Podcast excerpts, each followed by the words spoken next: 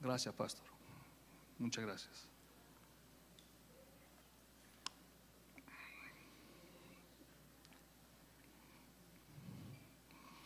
¿Estamos? Empezamos. Yo creo que hay sillas aquí adelante, los que están allá en pie pueden pasar, por favor. Aquí tenemos ya puestos, aquí también hay unas sillas. Por favor, estén cómodos, siéntanse cómodos porque la prédica hoy se va a demorar dos horas.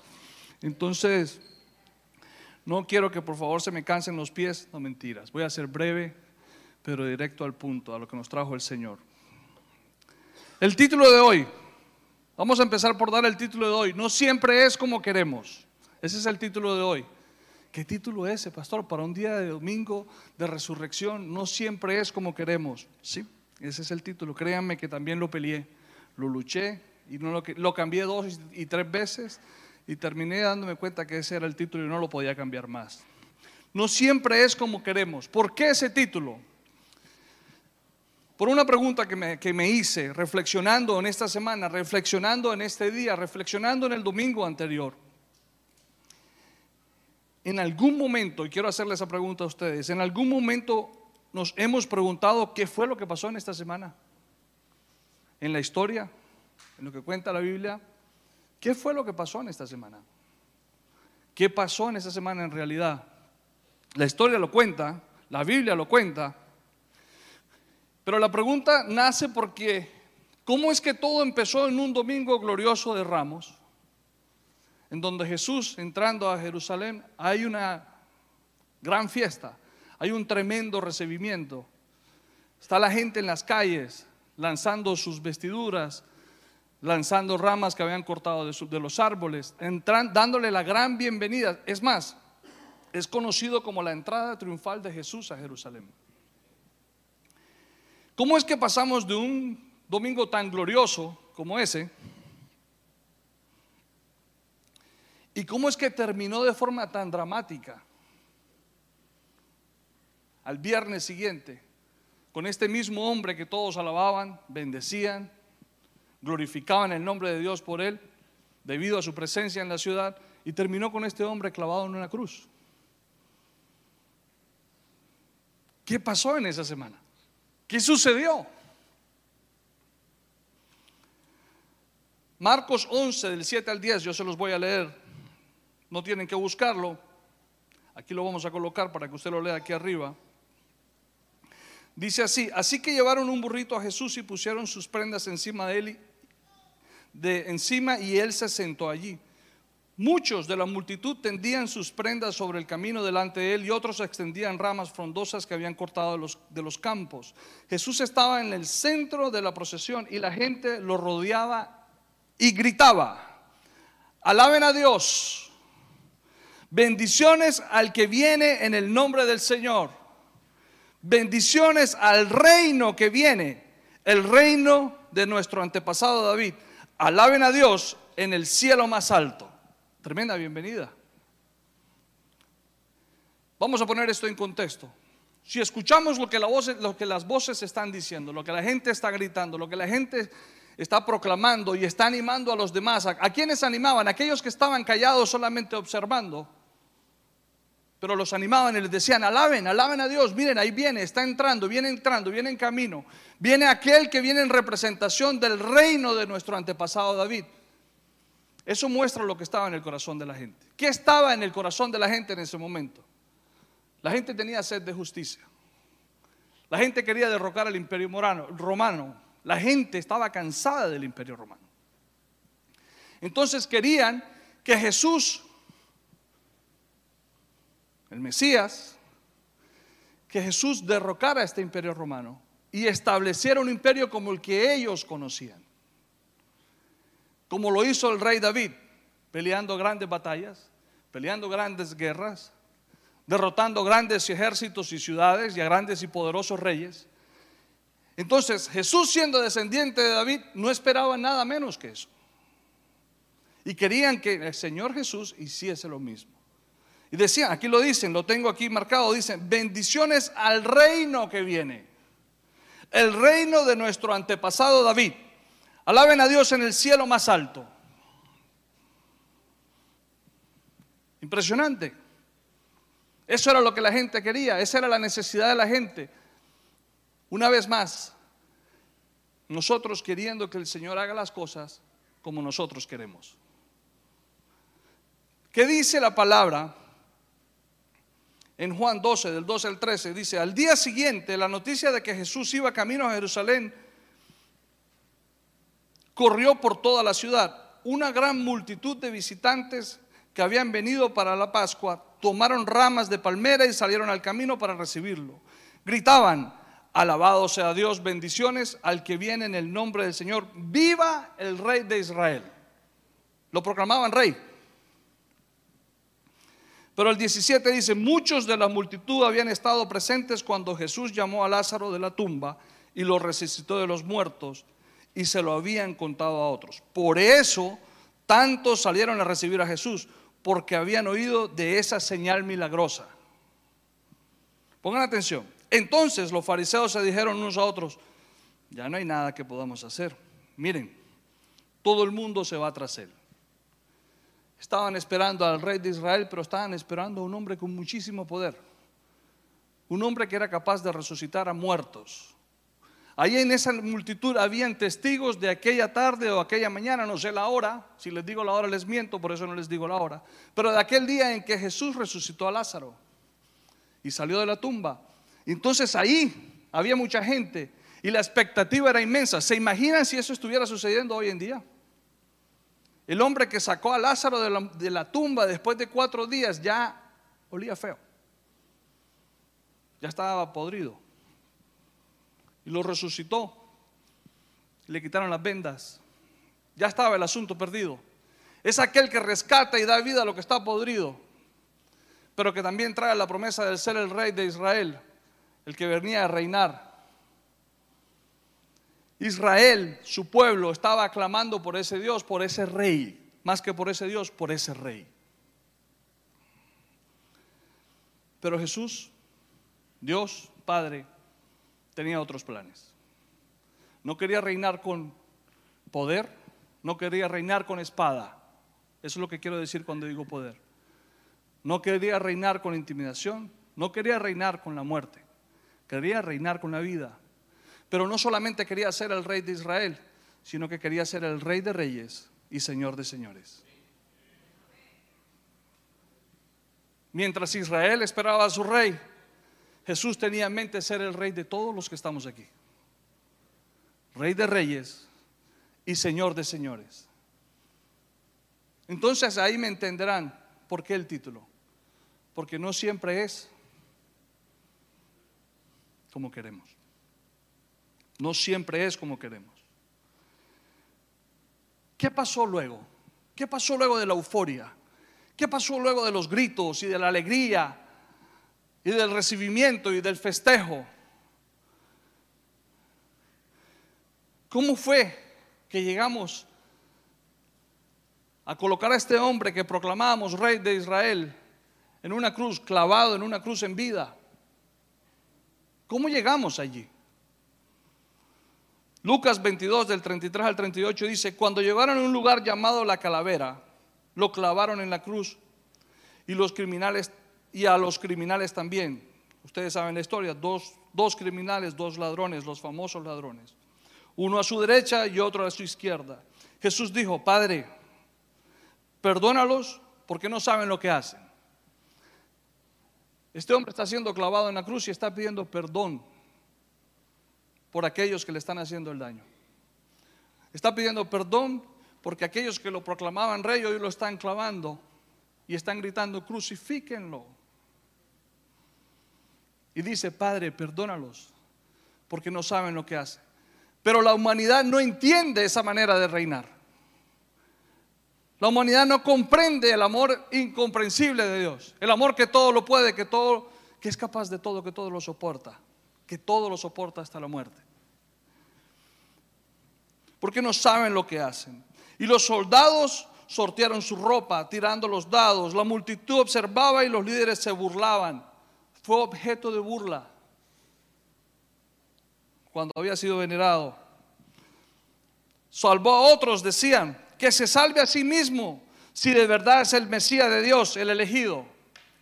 Cuánto atrevimiento, cuánta ignorancia. Cuánta falta de temor, cuánta falta de honra. Los soldados también se burlaron, se burlaban de él al ofrecerle vino agrio para beber y exclamaron, si eres el rey de los judíos, sálvate a ti mismo.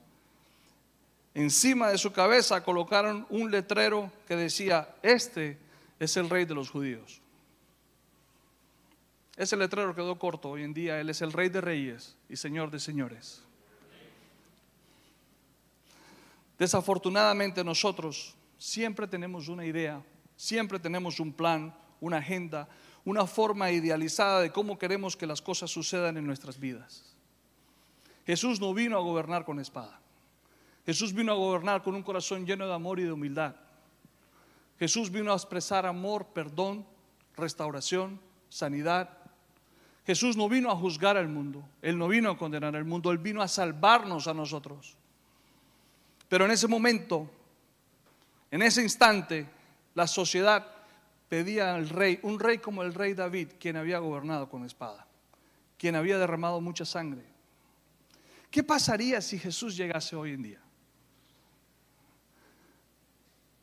Yo creo, y soy honesto, que la mayoría de nosotros le tuviésemos una agenda Señor, lo primero que debes hacer es no dejar que el dólar caiga. Mira lo que está haciendo la China y los brasileros y los hindús. Por favor, no puedes dejar que el dólar caiga porque cuando yo mande el dinerito entonces que están esperando ya no va a rendir igual.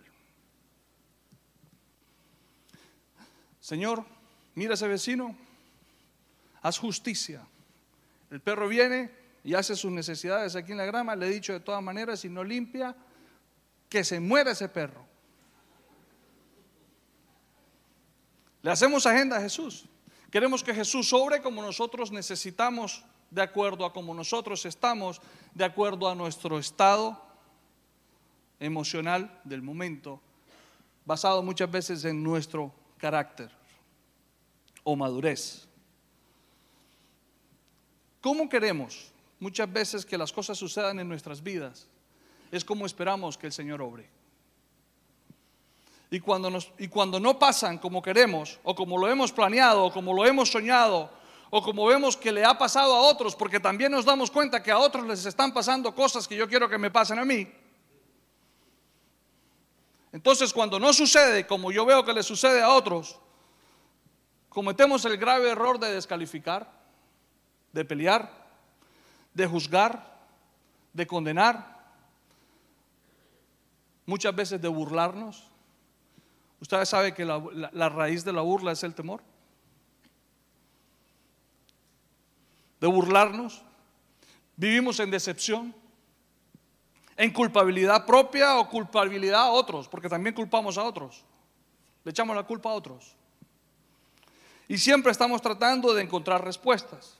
Pienso que en algún momento de nuestras vidas Dios nos ha dicho o nos está diciendo en esta mañana, no siempre es como tú quieres no siempre es como queremos. No siempre se puede. Y te aseguro que muchas veces Dios hace como queremos. Porque la palabra también dice que Él concede el deseo de nuestro corazón. Pero no siempre es como queremos. Seguramente algunos están allí sentados ahorita o los que me están mirando en silencio y pensando, o los que van a escuchar este podcast, estarán diciendo entre dientes, nunca ha sido como yo quiero. Y quisieran cambiarle el título a la prédica. No, es que nunca ha sido como yo quiero. Si fuera paisa, dijeran, no, hermano, es que nunca ha sido como yo quiero. ¿Verdad? Muchos están pensando eso. Créame que sinceramente yo también lo pensé.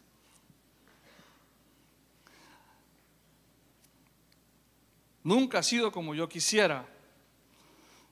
Honestamente, también lo pensé, pero debo decir que nuestro Dios es un Dios abundante en misericordia y en amor. Es un Dios misericordioso. Y realmente no nos ha ido tan mal como pensamos. Realmente no estamos tan mal como creemos. Realmente no somos los más desafortunados como lo contamos. Porque cuando lo contamos lo hacemos ver como los más desafortunados. Y no estamos tan huérfanos como nos sentimos. Nosotros, los hijos de Dios, usted y yo, los que están en casa conectados ahorita mismo, los hijos de Dios, nosotros, los hijos de Dios, no podemos permitirnos creer que somos lo que nuestras emociones nos dicen. No podemos dejar que nuestras emociones gobiernen. No podemos permitir creernos esto que las emociones nos dicen aquí y que nunca se callan. Les voy a contar una historia. Es una historia muy bonita que todos conocemos. Y esto sucedió hace muchos años. En Génesis, la palabra dice que el Señor puso al hombre en el Edén para que se ocupara de él y lo custodiara. Pero el Señor Dios les advirtió, le advirtió al hombre, dice, puedes comer libremente del fruto de cualquier árbol del huerto, excepto del árbol del bien y del mal. Ojo a esa advertencia. Después de que la mujer habló con la serpiente, si nos vamos a Génesis 3, del 6 al 7, empieza diciendo, la mujer quedó convencida, convencida después de que habló con la serpiente, convencida después de que abrió puertas. Y vio que el árbol era hermoso y su fruto parecía delicioso y quiso la sabiduría que le daría. Así que tomó del fruto y lo comió. Después le dio un poco a su esposo que estaba con ella y él también comió. En ese momento se les abrieron los ojos y de pronto sintieron vergüenza por su desnudez. Entonces cosieron hojas de higuera para cubrirse. Génesis 3:9 dice, entonces el Señor Dios llamó al hombre, ¿dónde estás? ¿Se acuerdan el domingo pasado? ¿Dónde estás? ¿Dónde estamos hoy? ¿Dónde estás? Y el hombre contestó, te oí caminando por el huerto, así que me escondí, tuve miedo porque estaba desnudo. ¿Quién te dijo que estabas desnudo? Le preguntó el Señor Dios. ¿Acaso has comido del fruto del árbol que te ordené que no comieras? ¿Qué hicieron? ¿Qué hizo Adán y qué hizo Eva? Hicieron lo que ellos querían. Hicieron las cosas como ellos querían, como ellos la querían. Ellos hicieron su plan, ejecutaron el plan, Ejecutaron el deseo de lo que sus emociones les habló por la ambición de conocer el bien y el mal. Hicieron y ejecutaron lo que pensaron, hicieron lo que ellos quisieron, no hicieron lo que Dios les dijo.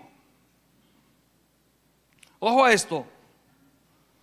En otras palabras, desobedecieron. Hicieron lo que se les ocurrió haciendo caso omiso a la conversación que habían tenido con Dios. ¿Qué consecuencias se vivieron? Vamos a leerlo rapidito. Luego él le dijo a la mujer, haré más agudo el dolor de tu embarazo y con dolor darás a luz. Esto le dijo Dios a la mujer. Esto es consecuencia de la desobediencia. Y desearás controlar a tu marido, pero él gobernará sobre ti. ¿Sabe que aquí tengo entre mis notas algo? Se los voy a leer. Dice, yo no sabría decirles ¿Cuál de las dos cosas le cuesta más a la mujer? ¿Si parir un hijo o no poder controlar a su esposo? No sé. La verdad no sé. No sé cuál es la que más les cuesta. Yo a Valeria la he visto tener tres hijos. Es una, como dice mi esposo, una berraca. Pero dice que con dolor tienen a sus hijos. Y al hombre le dijo, dado que hiciste como caso a tu esposa y comiste del fruto del árbol del que te ordené que no comieras, la tierra es maldita por tu culpa. Toda la vida lucharás para poder vivir de ella. Con el sudor de tu frente obtendrás alimentos para comer hasta que vuelvas a la tierra de la que fuiste formado, pues fuiste hecho del polvo y al polvo volverás. ¿Cuál había sido la orden? ¿Cuál había sido la advertencia? Puedes comer libremente del fruto de cualquier árbol del huerto, excepto del árbol del conocimiento, del bien y del mal. Si comes de su fruto, sin duda, morirás. Pero si será misericordioso el Señor, si será el Señor lleno de amor para con nosotros, lleno de perdón, que hasta donde yo veo en las consecuencias que leímos, Adán y Eva no murieron. A pesar de que hicimos las cosas como nosotros queremos. En ese entonces. Ellos hicieron como ellos quisieron, pero a pesar de eso, no murieron y Dios se los había advertido. ¿Quieren ver una consecuencia que está allí en la palabra del amor, la misericordia, del perdón, de la restauración de Dios para la humanidad? En Génesis 3:20 dice, después el hombre Adán le puso a su esposa el nombre Eva para que ella, porque ella sería la madre de todos los que viven. La madre de todos los que viven, o sea, la dejó con vida, para que fuera la madre de todos los que viven. Y el Señor Dios hizo ropa de pieles de animales para Adán y su esposa, les quitó las hojitas esas y les hizo vestido, los vistió mejor, los restauró, los perdonó. Luego el Señor Dios dijo, miren los seres humanos se han vuelto como nosotros con conocimiento del bien y del mal. ¿Y qué ocurrirá si toman del fruto del árbol de la vida y lo comen? Entonces vivirán para siempre. Así que el Señor Dios los expulsó del jardín del Edén y envió a Adán a cultivar la tierra, el cual había sido formado. Fue lo mejor que nos pudo haber pasado. Dios en misericordia nos saca del Edén. Porque si Él no lo hace, hubiésemos vivido eternamente en pecado. Porque les aseguro que comemos del otro fruto también. Porque terminamos haciendo las cosas como nosotros queremos. O sea que en consecuencia de aquella advertencia Dios operó fue en misericordia y en amor y en perdón. Si Dios operara en nuestras vidas consecuentemente a nuestros actos, hoy en día les cuento que muchos no estuviéramos, yo creo que nadie estuviese aquí empezando por mí. Nadie. Gracias a Jesús, gracias a la cruz. Gracias que no vino a reinar con espada. Gracias porque no vino a derramar sangre. Gracias porque no vino a ejercer juicio. Gracias porque no vino a condenar la humanidad, sino a salvarnos. Gracias porque no hizo las cosas como nosotros queremos, sino las hizo como Él sabe que a nosotros nos conviene. Por eso hoy en día, independientemente de la fecha, si sucedió o no sucedió en este, en este mes de abril, aprovechamos el desorden del sistema y festejamos la resurrección de Cristo. La fecha es lo de menos. El pastor Alberto lo dijo. ¿Por qué no lo celebramos todos los domingos? ¿Por qué no lo celebramos todos los días?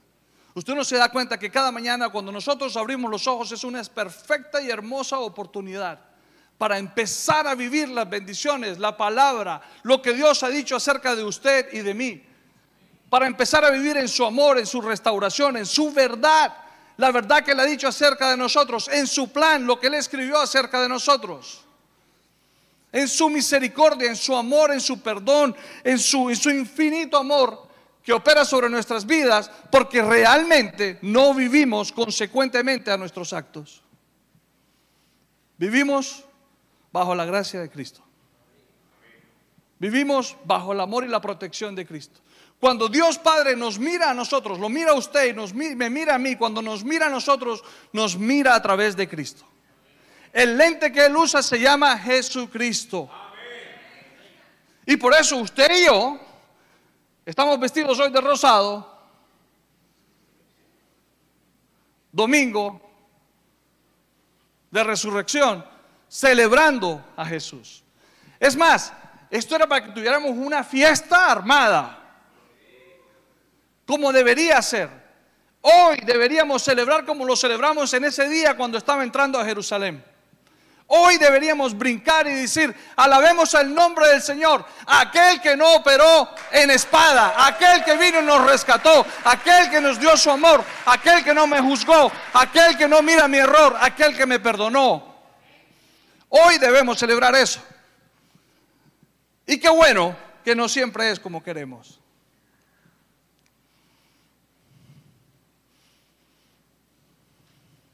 Dios nos guardó de vivir eternamente en pecado. No nos ha ido tan mal como pensamos después de todo, ¿verdad? O quienes piensan que todavía nos ha ido mal. No somos tan huérfanos como creíamos, ¿verdad?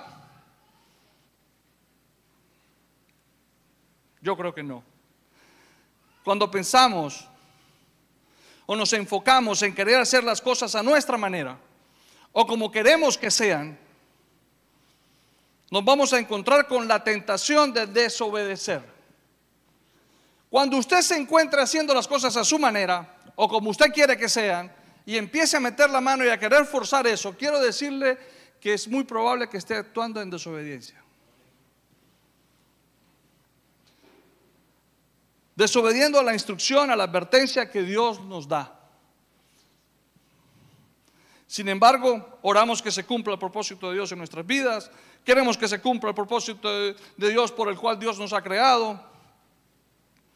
Recordemos que los hijos de Dios, llévese esto para su casa. ¿Quién es hijo de Dios aquí? Ok, hay como 30, estamos bien. Recordemos que los hijos de Dios no podemos permitirnos ser lo que nuestras emociones nos dicen. Las emociones son fuertes, pero nunca van a ser más poderosos que la obediencia. Nunca. Las emociones van a ser más poderosas que la obediencia. Acordémonos de lo siguiente, lo que da fruto en, en nuestras vidas es cuando vivimos el principio, no cuando vivimos en emociones. Si vivimos en el principio vamos a ver fruto. Si vivimos en emociones, muy seguramente vamos a ver desobediencia. Pero vivir en los principios nos va a ayudar a dar fruto. El perdón, el perdón es un principio. El perdón no es una emoción, el perdón no es un sentimiento. El perdón duele, pero es un principio. Y para que dé fruto no puede estar ligado a las emociones. Mateo 6:12 dice, y, y, perdonamos nuestros pecados así como hemos perdonado a los que pecan contra nosotros. Perdona nuestros pecados así como, como hemos perdonado a aquellos que pecan contra nosotros. ¿Ustedes creen que si Dios operara de esa manera, de verdad estuviéramos aquí? ¿Ustedes creen que si Dios perdonara nuestros pecados de la misma manera como nosotros perdonamos a nuestro prójimo, de verdad pudiéramos estar aquí? Es imposible. Seamos, ¿se acuerdan que hemos hablado de adentro hacia afuera? Seamos honestos, aquí adentro. Pedro le preguntó, Señor, ¿cuántas veces debo perdonar? ¿Siete veces? Setenta veces siete. Multiplique. Setenta veces siete diario. Cuatrocientos y pico me están diciendo aquí, diario. Y a veces no podemos ver al vecino porque se hace el perro, se hace popó en la grama.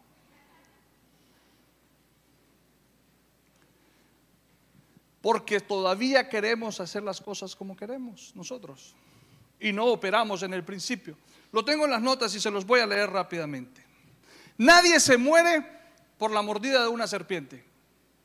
Se muere por el veneno de la serpiente. Si usted la serpiente lo muerde, pero el veneno no entra en su, en su cuerpo, no se va a morir. El problema es que el veneno entra en su cuerpo. Nadie se ha muerto todavía por una mordida de una serpiente. Cuando alguien te lastima, esto es semejante a la mordida. Te lastimó. Una mordida duele, te lastima. Pero el resentimiento, la decepción, la amargura, la molestia, la ira, el odio que sientes por dentro hacia esa persona que te lastimó, es lo que lentamente te puede matar. Es lo que lentamente te puede destruir. Ese es el veneno. Estamos hablando de emociones, resentimiento, dolor, ira, decepción, esto es lo que lentamente puede acabar con nuestras vidas. Usted sabe que científicamente está comprobado que muchas de las enfermedades que se ven que se reflejan físicamente están basadas en las emociones. Muchas. Un día de esto les traigo una lista. Ahora, no vamos a poder controlar la mordida de la serpiente. Desafortunadamente nos van a hacer daño. Y eso es algo con lo que tenemos que aprender a lidiar. Pero sí vamos a poder controlar si el veneno entra y permanece. Sí vamos a poder controlar el cómo defendernos de este veneno. Siempre vamos, ahora, siempre podemos controlar cómo defendernos del veneno. ¿Cuál es el antídoto para poder liberar tu cuerpo de este veneno que te está matando lentamente, el perdón. Liberarte de esos sentimientos, porque la persona que se libera eres tú. No estás protegiendo a la otra persona de culpa. No lo estás liberando de culpa. Dios se encarga de esa persona. Pero te estás protegiendo a ti mismo. A través del perdón. Así opera el perdón. Así opera el principio. Si se dan cuenta, para poder ser libres y sanar no puede estar ligado a las emociones. Porque si dejamos que este principio se mantenga ligado a las emociones, vamos a morir lentamente envenenados. No se puede. Debemos vivir por el principio, no por las emociones. La honra, hablemos de la honra. En Éxodo dice, honra a tu padre y a tu madre. Y después dice, entonces tendrás una vida larga y plena en la tierra que el Señor tu Dios te da. Pero ahí no dice, honra a tu padre y a tu madre que fueron buenos contigo cuando eras niño. Ahí no dice eso. Honra a tu padre y a tu madre que te compraron casa y carro y beca. Ahí no dice eso. Honra a tu padre y a tu madre que siempre te consintieron y nunca te rechazaron. Ahí no dice eso. Ahí dice honra a tu padre y a tu madre. Ese principio no está ligado a cómo yo me siento con relación a mi mamá y mi papá. Ese principio, para yo poder tener larga vida, para yo poder experimentar una vida larga y plena aquí en la tierra, la tierra que el Señor mi Dios nos dio desde Adán y Eva, yo necesito honrar a papá y mamá, aunque me hayan dado correa. Aunque me hayan bajado del techo y me hayan dado correazos por comer mangos en el techo. Y no los perdono, pero eso no mentiras. Yo necesito honrar a mi papá y a mi mamá, aunque se hayan equivocado. Yo necesito perdonar a mi mamá y a mi papá para yo poder ser libre. Yo no puedo permitir que las emociones limiten mi vida. Cuando usted y yo queremos vivir esto, hacer siempre las cosas como queremos, por lo general estamos dejando que las emociones gobiernen en nuestro ser. Y nos limitamos de vivir la bendición de operar bajo el principio. Usted sabe por qué la palabra de Dios está desde siempre y se permanece hasta el día de hoy y siempre permanecerá porque los principios son los que la sostienen. Yo he estado orándole al Señor, Señor, mira todo lo que se escucha, mira los rumores de guerra, mira la economía, Señor, ¿qué le traigo a tu pueblo? Me dijo, principios. Punto. Porque todo va a pasar, pero mi palabra no pasará. ¿Usted está preocupado? Que la economía, que China, que la India, que Brasil, que se juntaron, que el dólar se va a venir abajo, que Colombia, que Petro, que Paquín. Usted, usted, yo también. ¿Usted cree que yo no? Claro que sí. Y le he orado a Dios y Dios me habla principios. Opera en principios. Vivamos en principios. Vivamos en perdón. Vivamos en honra. De igual manera, la obediencia es un principio. Y la obediencia es la mayor expresión de adoración en esta serie de adoración que estamos teniendo. La obediencia es un principio. La obediencia no está ligada a nuestro estado de ánimo ni a nuestras emociones. Si yo voy a hacer caso cada vez que tengo ganas de hacer caso, ay, mamita mía. Si yo voy a hacer caso porque estoy de acuerdo con, con lo que mi papá me está diciendo y, ay, estoy perdido. Si la mayoría de las veces que tenemos que obedecer no estamos de acuerdo con lo que nos están pidiendo.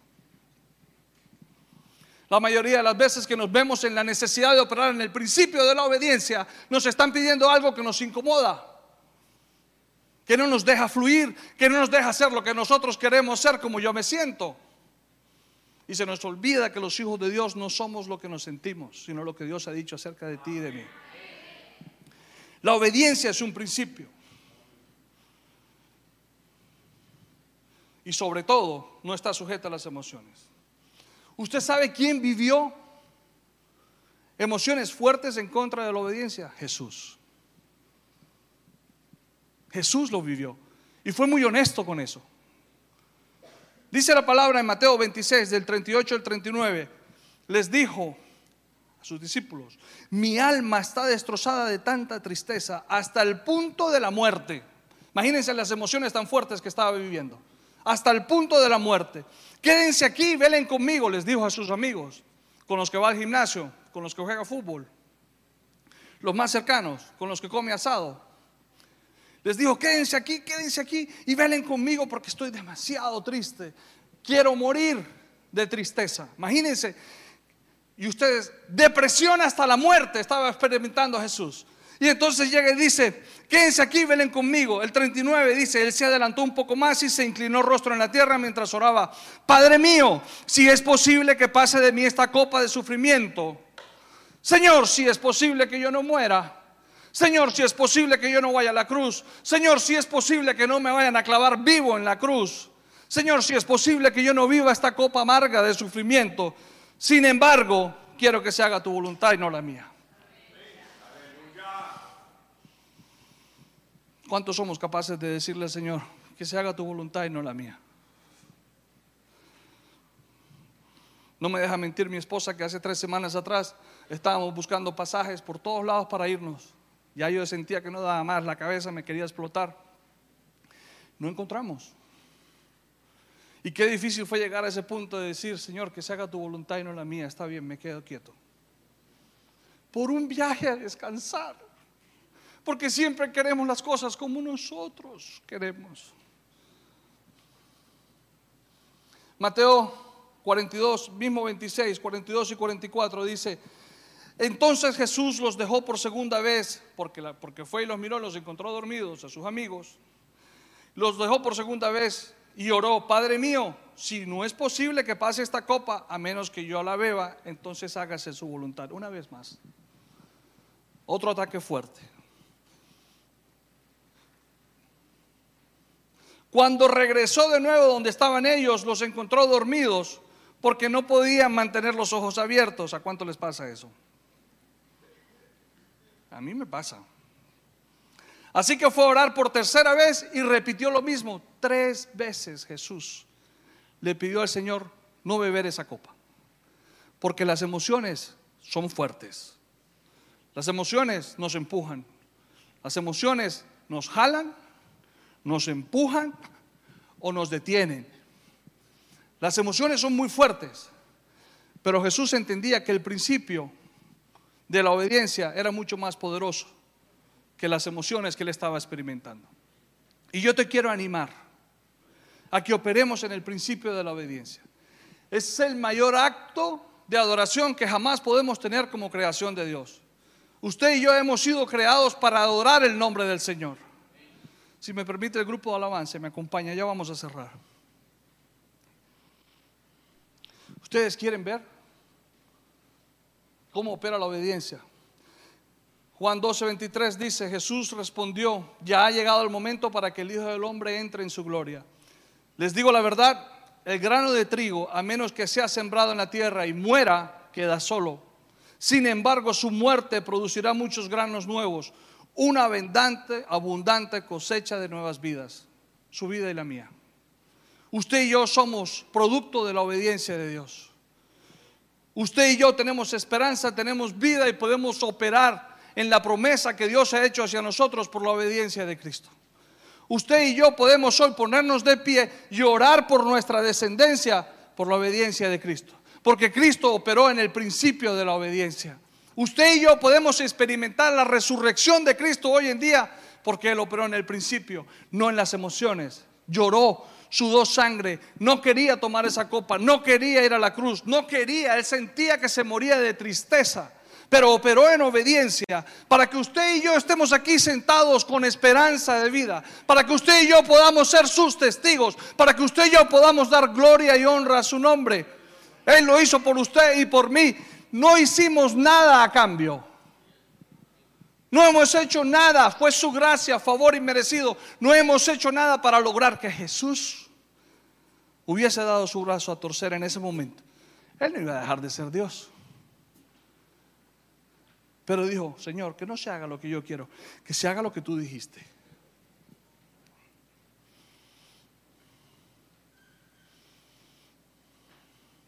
¿Sabe qué le dijo? ¿Sabe qué le dijo Jesús? ¿Qué dijo Jesús? En Juan dice 12:27, ahora mi alma está muy entristecida. ¿Acaso debería orar, Padre, sálvame de esta hora? Pero es pero eso es precisamente la razón por la que vine. A eso vino Jesús. Coloquémonos en pie, por favor. Acompáñenme a cerrar.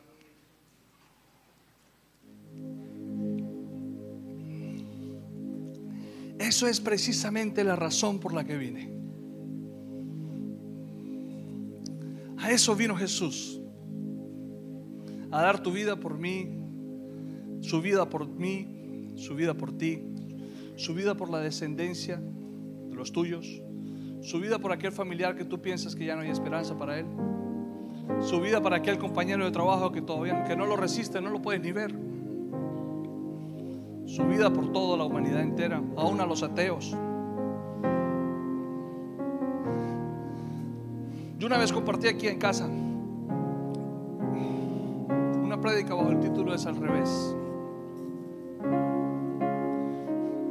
Porque el Evangelio en la iglesia, desafortunadamente, ha sido permeado por el pensamiento humano. Y muchas veces hemos enseñado cosas al revés.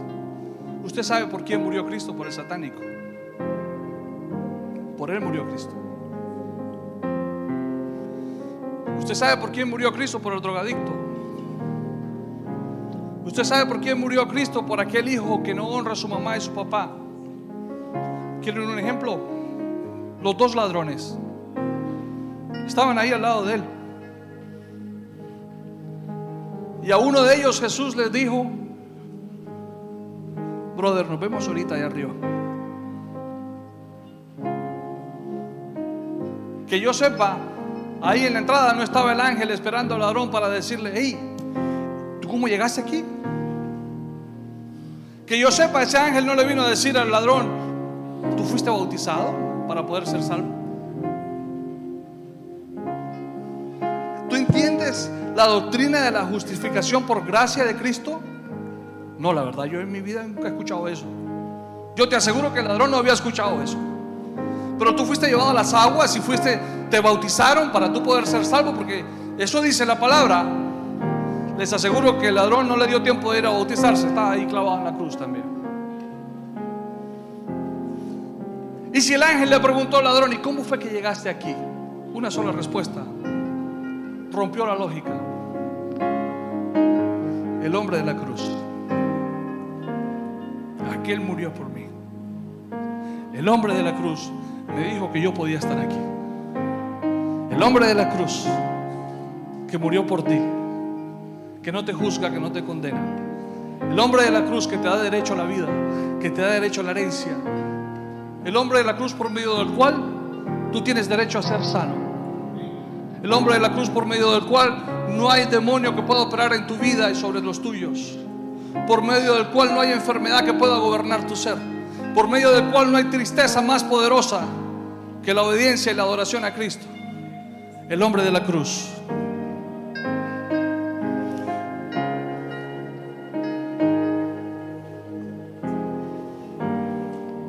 Mis pensamientos no se parecen en nada a tus pensamientos. No siempre es como queremos. Y mis caminos están muy por encima de los que pudieran imaginarse. No siempre es como queremos. Pues así como los cielos están más altos que la tierra, así mis caminos están más altos que tus caminos y mis pensamientos más altos que tus pensamientos. No siempre es como queremos. Cierro con este texto. El domingo, hoy domingo, muy temprano por la mañana, las mujeres fueron a la tumba llevando las especies que habían preparado, porque estaban pensando cómo tenía que ser. Iban preparadas como lo habían planeado. Llevaban una agenda, llevaban especies para arreglar el cuerpo. Tenían un plan.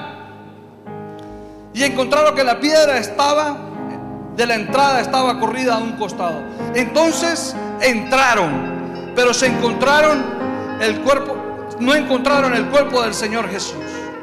No encontraron el cuerpo del Señor Jesús. ¿Ustedes se imaginan ese susto? Ellas venían con especies a arreglar el cuerpo para, para efectuar lo que la tradición les había enseñado.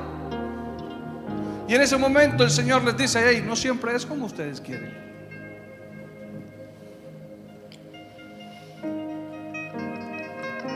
Entonces entraron y encontraron el cuerpo del Señor Jesús. Mientras estaban allí perplejas, de pronto aparecieron dos hombres vestidos con vestiduras resplandecientes. Las mujeres quedaron aterradas y se inclinaron rostro en tierra. Entonces los hombres preguntaron, pero ¿por qué buscan entre los muertos a alguien que está vivo? Él no está aquí, ha resucitado.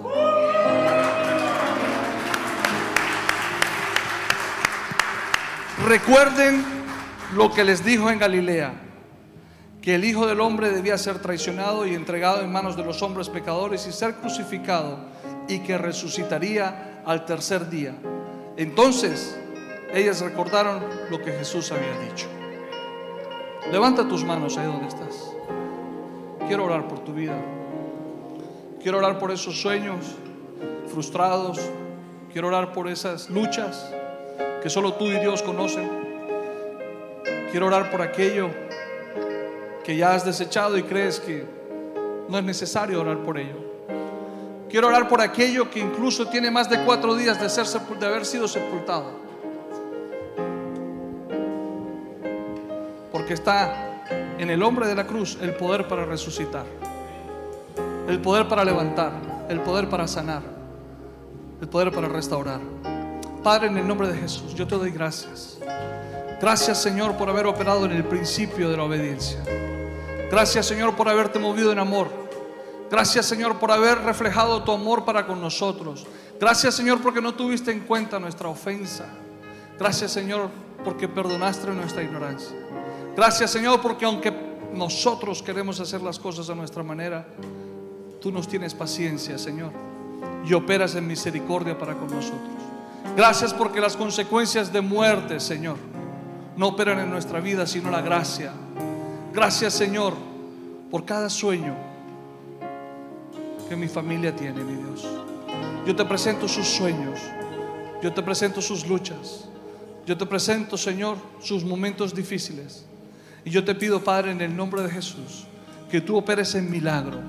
Milagros, Señor, creativos Milagro de resurrección, Señor, sobre esta casa. Milagros, Señor, de poder, de unción, de gracia, de favor. Yo declaro en el nombre de Jesús que se abren puertas para muchos aquí. Yo declaro en el nombre de Jesús que el Señor opera en justicia para muchos aquí. Porque la justicia de Dios no opera en la ira del hombre. Y hoy entregamos, Señor, este sentimiento de ira. Hoy entregamos, Señor, este sentimiento de dolor y de decepción. Hoy entregamos este sentimiento de dolor, Señor. Hoy entregamos este sentimiento de injusticia, Padre, para que tú operes, Señor, en tu justicia. Gracias, Señor.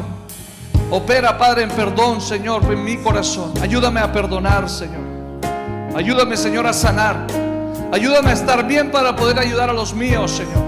Ayúdame a bendecir, Señor, a los míos para que ellos puedan ayudar, ayudar y bendecir a las próximas generaciones, Padre. Padre, en el nombre de Jesús te damos gracias. Te exaltamos, te glorificamos y alabamos tu nombre, Señor. En el nombre de Jesús. Amén y amén. Alabemos al Señor.